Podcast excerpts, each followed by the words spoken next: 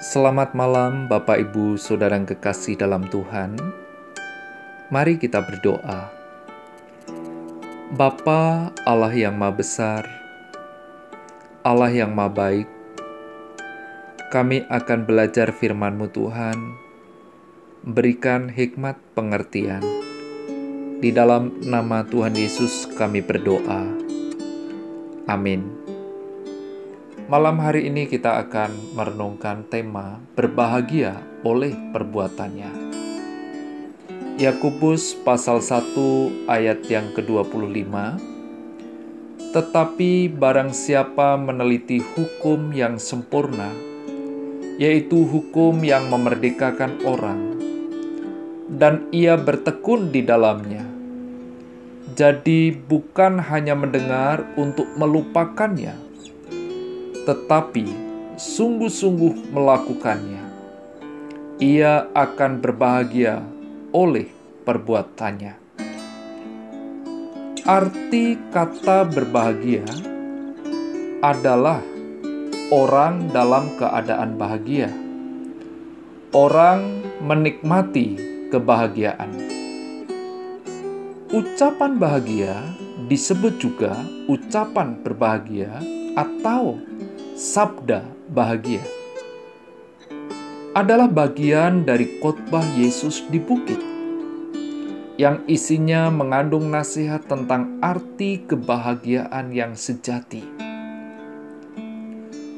Khotbah di bukit yang disampaikan oleh Yesus terdapat dalam Injil Matius pasal 5 sampai pasal yang ketujuh.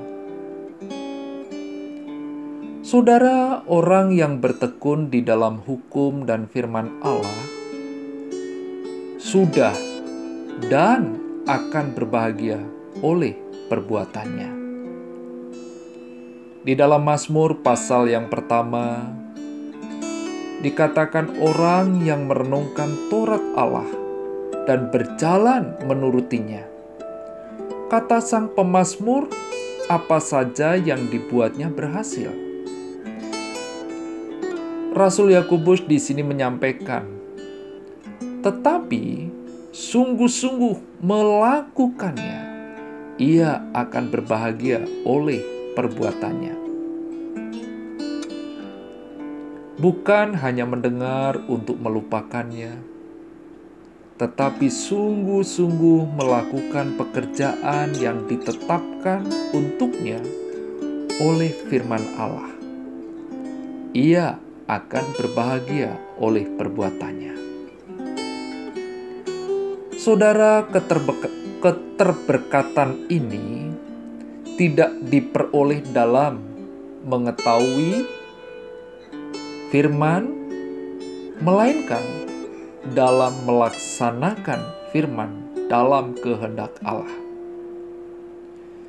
Jikalau saudara dan saya tahu semua ini, maka berbahagialah saudara dan saya jika saudara dan saya melakukannya.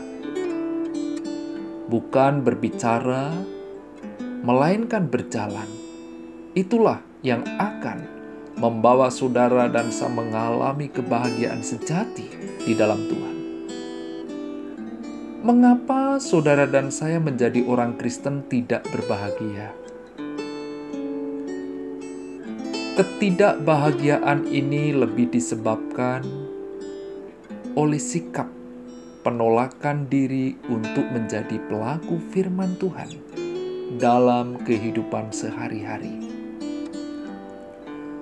Penolakan ini bukan disebabkan oleh ketidakmampuan saudara dan saya melakukan, tetapi karena ketidakmauan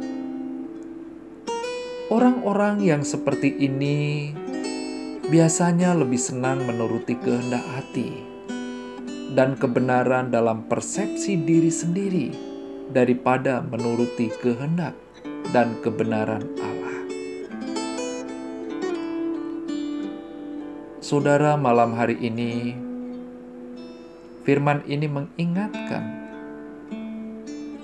menegur saudara juga menegur saya kadang keakuan,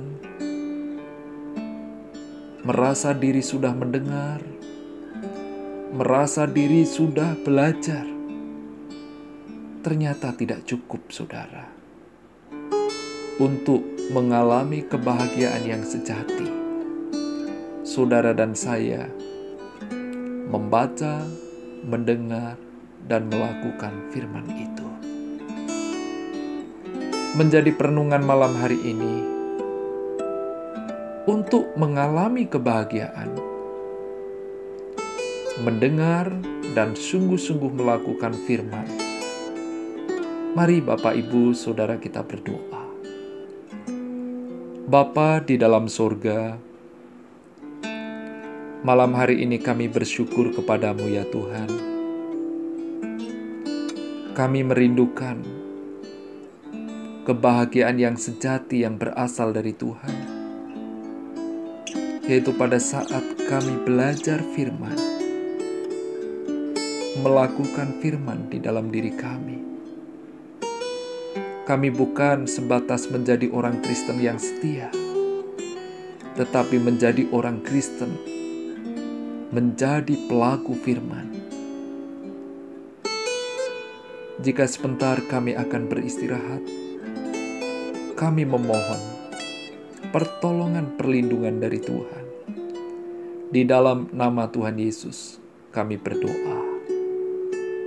Amin.